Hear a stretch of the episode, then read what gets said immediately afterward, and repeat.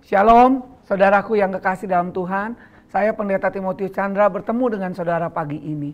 Saya senang seluruh jemaat di Kota Bandung, jemaat di Jawa Barat, Indonesia dan bangsa-bangsa saya percaya Tuhan sedang memberkati saudara dan saudara sedang mengalami banyak hal di dalam Tuhan. Sebelum saya menyampaikan firman Tuhan yang tema pagi ini diambil menjadi penyembah yang benar, mari kita satukan di dalam doa. Bapak di dalam surga terima kasih pagi ini kami bisa berkumpul walaupun lewat ibadah online kami percaya Allah kami adalah Allah yang tidak terbatas, Allah yang unlimited, Allah yang tidak dapat dibatasi oleh ruang tempat lokasi. Apa pun yang terbatas itu bisa ditembus oleh engkau. Berbicara lebih daripada yang mampu hambamu sampaikan dan siapkan. Roh Kudus yang penuh kuasa, sampaikanlah semuanya menjadi berkat, membangkitkan umatmu, masuk menjadi penyembah-penyembah yang benar dalam roh dan kebenaran. Terima kasih di dalam Kristus Yesus kami sudah berdoa dan bersyukur. Amin. Saudaraku yang kekasih, mari kita buka firman Tuhan di Yohanes 4 ayat 23 sampai 24. Tetapi saatnya akan datang dan sudah tiba sekarang bahwa penyembah-penyembah benar akan menyembah Bapa dalam roh dan kebenaran. Sebab Bapa menghendaki penyembah-penyembah demikian. Allah itu roh dan barang siapa menyembah dia harus menyembahnya dalam roh dan kebenaran. Bapa menghendaki penyembah-penyembah demikian.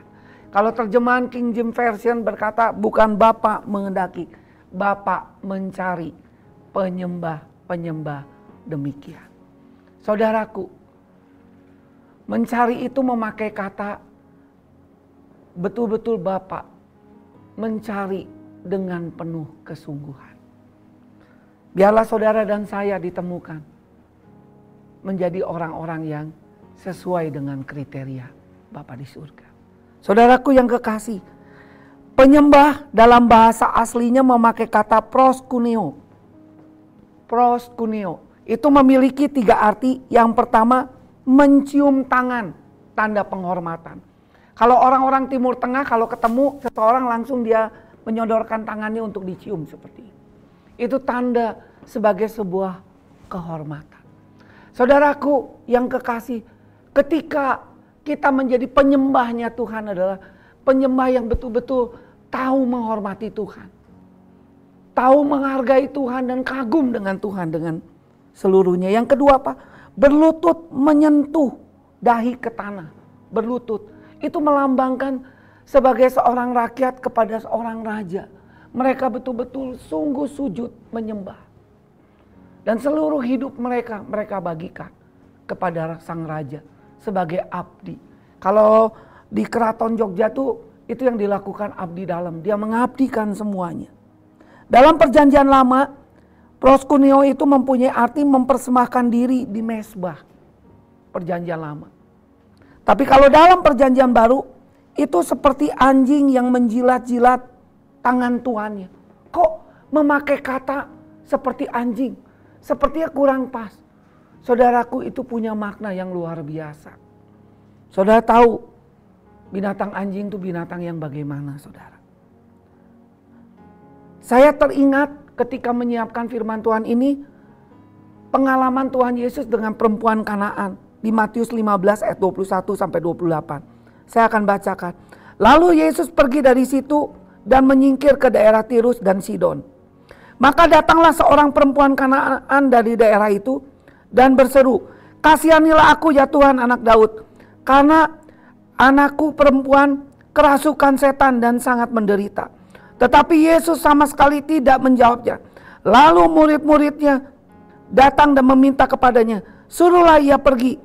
Ia mengikuti kita dengan berteriak-teriak. Jawab Yesus, aku diutus hanya kepada domba-domba yang hilang dari umat Israel. Tetapi perempuan itu mendekat dan menyembah dia sambil berkata, Tuhan tolonglah aku. Tetapi Yesus menjawab, tidak patut mengambil roti yang disediakan bagi anak-anak dan melemparkannya kepada anjing. Kata perempuan itu benar Tuhan. Namun anjing itu makan remah-remah yang jatuh dari meja tuannya. Maka Yesus menjawab dan berkata kepadanya, "Hai ibu, besar imanmu, maka jadilah kepadamu seperti yang kau kehendaki." Dan seketika itu juga anaknya sembuh. Saudaraku, sungguh luar biasa pengalaman. Tuhan Yesus bilang, "Aku tidak datang untuk perempuan Kanaan, aku datang untuk perempuan wanita Israel, orang Yahudi." Tetapi saudaraku lihat bagaimana wanita itu betul-betul yang terpenting dia ingin mengalami Tuhan Yesus. Dia ingin mengalami kuasa kesembuhan anaknya. Dia rela melakukan apa pun juga. Bahkan katanya, kalaupun saya harus mengambil dari sisa makanan yang dijatuhkan dari meja tuannya, seperti anjing, aku pun rela. Nah, itu artinya saudara, yang namanya proskuneo, menyembah. Jadi bagaimana menjadi penyembah yang benar? Yang pertama adalah memiliki sikap hati penyembah. Seperti anjing yang katanya menjilat-jilat tangan tuannya. Saudaraku, dari kehidupan seekor anjing kita belajar bagaimana dia punya tiga sikap yang luar biasa. Yang pertama adalah itu yang harus dimiliki seorang hati penyembah. Yang pertama adalah kerendahan hati. Betul-betul. Kita datang betul-betul hanya butuh engkau. Dengan penuh segala sesuatu kita tanggalkan. Hanya dia.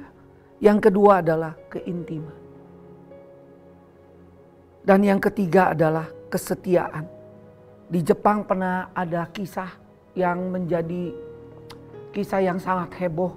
Bagaimana tentang kisah anjing Hachiko yang begitu setia menunggu tuannya sampai siapa pun yang menghibur dia, siapa pun yang ingin membawa dia, memberi makan pun dia nggak mau.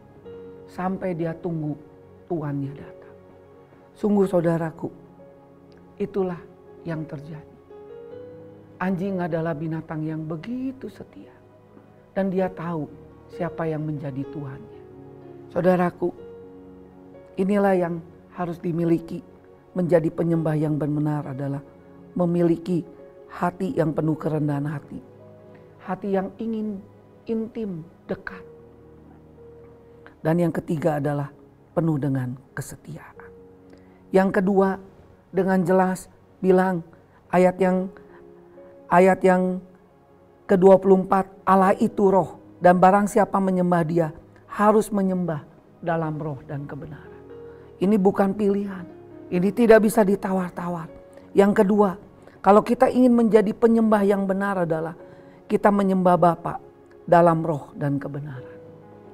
Saudaraku yang kekasih menyembah Bapa. Apa artinya menyembah Bapa? Berarti Allah Bapa lah yang menjadi fokus utama. Di mana tidak ada hal lain lagi yang berarti kecuali hubungan dengan Bapa. Jadi Bapak lah, bukan penyembahan kita. Bukan lagu yang menjadi fokus utama. Seringkali kita bilang, kalau lagunya lebih lambat, itu lebih mendatangkan hadirat Tuhan.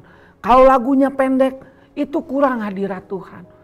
Bukan lagunya, bukan musiknya. Wah musiknya indah, tadi ibadah keren sekali. Bukan saudara. Yang terpenting Allahnya. Bukan sound systemnya, Bukan lightingnya. Tetapi Allah lah yang menjadi fokus utama. Di mana tidak ada hal lain lagi yang berarti kecuali hubungan dengan Bapa. Dan yang Tuhan cari juga bukan penyembahannya. Tapi penyembah. Beda loh saudaraku yang kasih penyembahan dengan penyembah. Tapi yang Tuhan cari adalah penyembah. Jadi bagi Tuhan yang paling indah adalah pribadi kita. Lebih daripada yang lain menyembah apa yang kami kenal. Berarti dengan kata lain, bagi Tuhan adalah hubungan pribadi sang penyembah itu yang lebih penting daripada seluruhnya. Kenal itu bicara hal yang dibangun melalui pergaulan yang karib. Pergaulan yang sangat dekat. Berarti di hadapan Tuhan yang menjadi prioritas adalah Tuhan sendiri, saudara. Yang menjadi prioritas Tuhan adalah adalah penyembah itu sendiri, saudara. Saudaraku yang kekasih di dalam Tuhan, sering kali kita lebih menekankan yang namanya lagu, yang namanya musik, yang namanya sound system lighting. Itu baik, tapi bukan itu yang terutama. Tapi yang terutama adalah bagaimana yang main musiknya, bagaimana yang menyanyikan pujiannya, bagaimana yang memainkan sound systemnya. Apakah engkau lakukan hanya untuk dia, untuk kemuliaan dia. Itu yang Tuhan pentingkan. Jadikan ku penyembahmu Tuhan, penyembahmu Tuhan yang menyembahmu dalam roh dan kebenaran. Betul-betul yang terpenting adalah Tuhan, Bapa dan kita sebagai penyembah saudara. Yang menyembah Bapa dalam apa? Dalam roh. Artinya apa? Dia katakan kepada perempuan itu, bukan di gunung ini dan bukan di kota Yerusalem tetapi dalam roh. Berarti Tuhan ingin menekankan tidak ada batas ruang, tempat, dan lokasi. Bukan yang benar orang Samaria yang menyembah di gunung. Bukan orang Yerusalem yang mengagung-agungkan bahwa penyembahan mereka adalah tiap tahun mereka harus datang di Yerusalem. Saudaraku, tetapi yang terpenting kita bisa melakukannya tanpa ada batas ruang, tempat, dan lokasi. Di mana saja, kapan saja, tidak ada yang dapat membatasi. Karena itu 1 Petrus 2 ayat 9 bilang, Kamulah bangsa yang terpilih, imamat yang rajani. Saudaraku yang kekasih, kitalah imamat yang rajani. Yang tidak dapat dibatasi apa pun, kita bisa menjadi penyembah-penyembah Tuhan. Kapan saja di dalam situasi apa pun. Kenapa saudara? Karena buktinya Ibrani 10 ayat 19 sampai 20. Oleh karena darah Yesus, kita punya keberanian masuk ke takhta Maha Kudus. Tata kasih karunia untuk datang tanpa ragu dan tanpa takut. Oleh karena kematian Yesus, darah Yesus tercurah, kita memiliki akses masuk untuk mengalami perdamaian. Kitalah imam imamat yang raja. Dulu imam perjanjian lama hanya bisa satu kali satu tahun untuk masuk ke ruang maha kudus. Tapi kita punya akses kapan saja, di mana saja. Saudaraku indah sekali. Saya mengalami hari-hari ini. Saya banyak bekerja di dunia pendidikan itu dari satu kota ke kota lain. Tetapi ketika COVID-19 itu membuat saya harus mengerjakannya di rumah, di lockdown dan bahkan banyak surat izin yang kami harus selesaikan sebelum tahun tahun ajaran baru. Tapi kami melihat Allah yang tanpa batas. Saya bisa bersyafaat kepada Tuhan. Saya bisa berdoa kepada Tuhan dan meminta pertolongan Allah yang unlimited kan. Allah adalah roh yang tanpa batas. Dan akhirnya saya mengalami di kota kudus saudara. Begitu sulit, begitu alot. Tapi tahu-tahu saya mengalami mujizat Tuhan bulan Mei izin dari kota Kudus pendirian sebuah SD itu keluar segala puji bagi Tuhan. Dan yang kedua saya melihat tanggal 6 Juli kemarin saya bersyukur bahwa izin untuk sekolah SD Narwastu di Waikapubak itu keluar dengan ditandai dengan keluarnya NPSN. Kami menantikan dengan sangat begitu sulit. Tetapi kami lihat di dalam keadaan yang sulit Allah kami Allah yang tidak terbatas. Allah yang mampu melakukan segala hal. Dan hari-hari ini kita bisa bersyafaat dengan bebas. Berdoa. Bahkan lewat alat-alat yang ada kita bisa menghubungi. Saya melihat begitu banyak orang-orang bisa dijangkau dibawa kepada Tuhan. Kitalah imamat yang rajani. Bahkan Tuhan bilang bukan hanya di dalam roh menyembah Bapa dalam roh tapi di dalam kebenaran. Ini berbicara mengenai Yesus. Yohanes 14 ayat 6 bilang, Akulah jalan, kebenaran dan hidup. Tidak ada seorang pun sampai kepada Bapa kecuali melalui Yesus. Hanya Yesuslah satu-satunya jalan untuk kita bertemu kepada Bapa. Seringkali banyak orang bilang, untuk kita masuk surga lewat Yesus. Betul, tapi yang lebih tepat, kita memiliki hubungan. Akulah jalan kebenaran dan hidup. Tidak seorang pun sampai kepada Bapa. Hanya lewat Yesus. Tadi jelas sekali Ibrani 10 ayat 19 sampai 20. Karena pengorbanan Kristus di kayu salib. Yesuslah itu kebenaran, bukan yang lain. Yesuslah kebenaran, firman yang sudah turun dari surga menjadi manusia. Di kitab Yohanes dengan jelas bilang, saatnya akan datang dan sudah tiba. Saatnya akan datang. Ini berbicara tentang apa? Penggenapan melalui kematian Yesus Kristus di kayu salib. Ketika Tuhan Yesus menyampaikan ini, dia belum melakukan di kayu salib. Tapi sebentar lagi saatnya akan datang dan sudah tiba. Dan sudah tiba. Dan saat ini kita nggak perlu ragu. Karena Kristus sudah mati di kayu salib. Dan buktinya tabir bait suci terbelah dua. Haleluya. Kita bebas sebagai imamat yang rajani saudara. Engkaulah imam-imamnya Tuhan yang bisa bersiafat, bisa memuji, bisa menyembah di mana pun engkau berada. Saudaraku yang kekasih. Dan yang ketiga, memiliki hidup yang seperti Yesus, seperti Tuhan Yesus memiliki belas kasihan dan berani mendobrak tradisi untuk mencari penyembah yang benar. Yohanes 4 ayat 4, 6b Ayat 7, 16 sampai 18 saya akan bacakan. Ayat 4, ia harus melintasi daerah Samaria. Harus saudara. Mengapa saudaraku? Saudaraku yang kekasih, Samaria itu tidak bergaul dengan orang Israel. Orang Yahudi itu menganggap najis orang Samaria. Bahkan Tuhan Yesus itu adalah seorang rabi Yahudi. Rabi Yahudi itu mempunyai dua larangan. Yang pertama adalah melintasi Samaria. Itu berbicara, yang kedua adalah berbicara dengan perempuan. Tetapi Yesus sebagai rabi tetap mendatangi kota Samaria. Dan dia bilang saya harus melewatinya. Dan mendatangi perempuan itu. Yang rindu menemukan air kehidupan. Yang memancar sampai kehidupan yang kekal. Saudaraku, bahkan Ayat yang ke-6b, hari kira-kira pukul 12. Perempuan itu datang ke sumur jam 12. Karena dia malu. Biasa orang mengambil air sumur pagi-pagi. Maka datanglah seorang perempuan Samaria. Hendak menimba air kata Yesus kepadanya, berilah aku minum. Bayangin, saudara, Yesus mendobrak tradisi. Yang pertama adalah tradisi untuk bergaul dengan orang Samaria. Bahkan yang kedua, dia bercakap-cakap dengan perempuan, bahkan bukan hanya bercakap tapi berdiskusi. Kata Yesus kepadanya, "Pergilah, panggillah suamimu dan datang ke sini." Ayat 17. Kata perempuan ini, "Aku tidak mempunyai suami."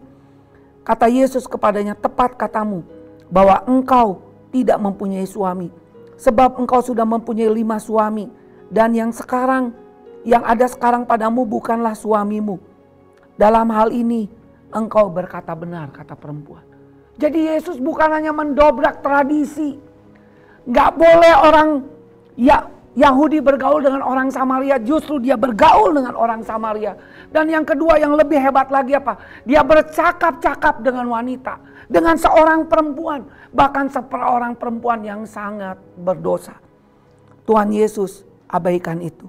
Karena bagi dia lebih indah seorang perempuan ini Bukan hanya dia mendapatkan air dari sumur, tapi dia mendapatkan air kehidupan.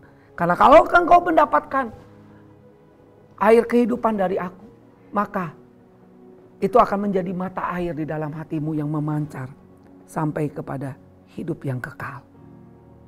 Kata Jack Hayford, seorang hamba Tuhan yang terkenal, dia bilang, hidupku. Dia bilang, hidupnya, hidup saya membutuhkan kehadiran Allah untuk mengerjakan apa yang menjadi tujuannya. Dan saudaraku, perempuan itu akhirnya berubah tujuan hidupnya. Dan Alkitab mencatat kota Samaria percaya pada Kristus. Dibawa kepada Tuhan karena perkataan dan kesaksian perempuan itu. Yohanes 4 ayat 39 sampai 42 saya baca. Dan banyak orang Samaria dari kota itu telah menjadi percaya kepadanya karena perkataan perempuan itu yang bersaksi. Ia mengatakan kepadaku segala sesuatu yang telah kuperbuat. Bagaimana perempuan itu berbicara, bagaimana saya menemukan Kristus yang luar biasa. Yang mau terima aku apa adanya. Betul lah dia datang bukan mencari orang yang benar. Tapi mencari orang yang berdosa. Yang mau menjadi penyembah. Penyembahnya Bapak dalam roh dan kebenaran. Orang Samaria itu sampai kepada Yesus. Mereka pun meminta kepadanya supaya ia tinggal pada mereka dan ia pun tinggal di situ dua hari lamanya. Dan Yesus akhirnya tinggal lebih lama lagi, dua hari. Dan ayat 41 dan lebih banyak lagi orang yang menjadi percaya karena perkataan Kristus. Jadi bukan hanya karena kesaksian perkataan perempuan tapi akhirnya mereka juga bertemu kepada Yesus. Dan mereka berkata kepada perempuan itu, kami percaya tetapi bukan lagi karena apa yang kau katakan perempuan. Sebab kami sendiri telah mendengar Yesus, Tuhan Yesus. Dan kami tahu bahwa Tuhan Yesuslah benar-benar juru selamat dunia. Dan akhirnya mereka orang-orang Samaria mengenal Kristus. Kenapa? Karena Kristus mau mendobrak tradisi untuk mencari penyembah yang benar dan memiliki belas kasihan.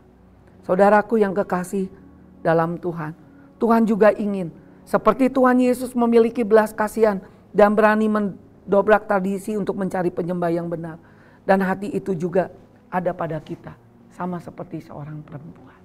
Seringkali kadang-kadang tradisi yang menghalangi kita untuk kita bergaul, bisa masuk untuk bisa menjangkau orang-orang yang berbeda latar belakang, status dan sosial apa pun juga. Sama seperti orang Yahudi berbeda latar belakang, daerah, status, kesukuan. Itu sering menghalangi kita. Saya ingat sekali saudaraku, sering kali saya mengalami karir saya agak mandek saudara.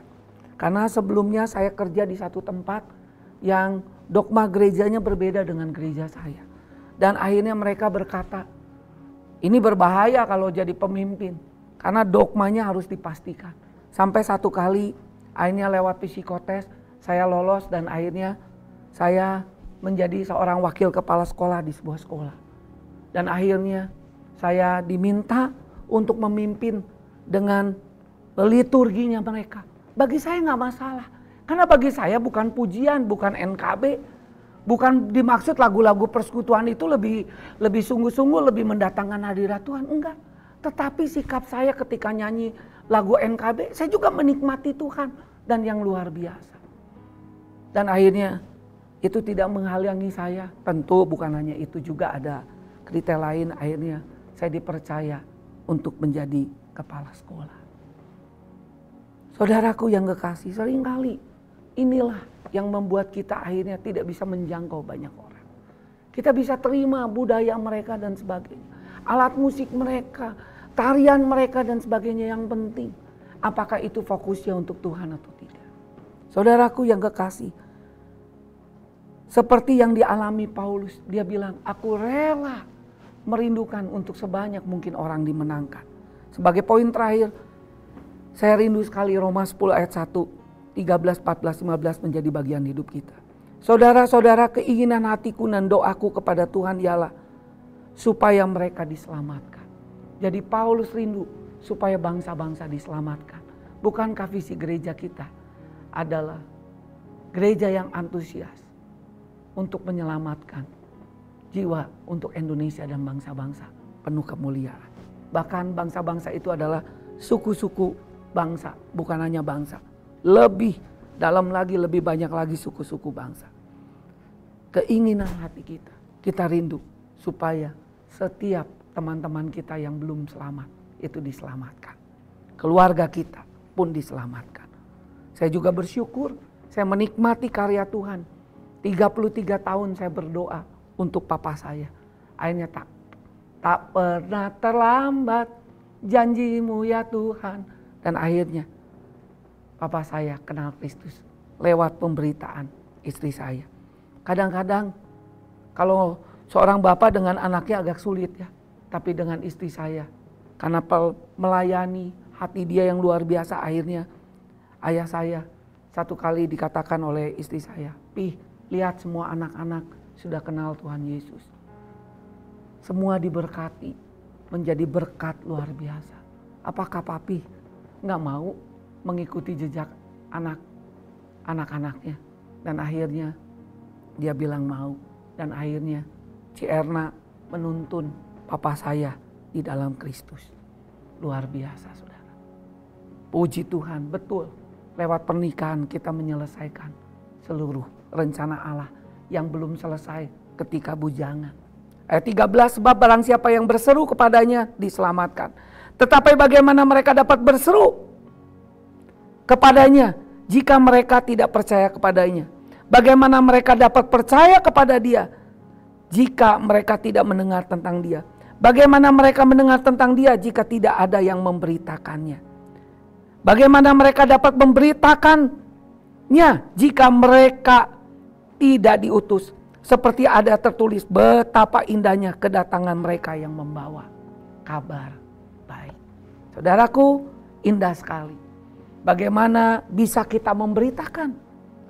Ya, bagaimana maaf, maaf, bagaimana mereka bisa berseru nama Yesus kalau tidak ada yang mereka dengar? Bagaimana mereka bisa dengar kalau tidak ada yang memberitakan?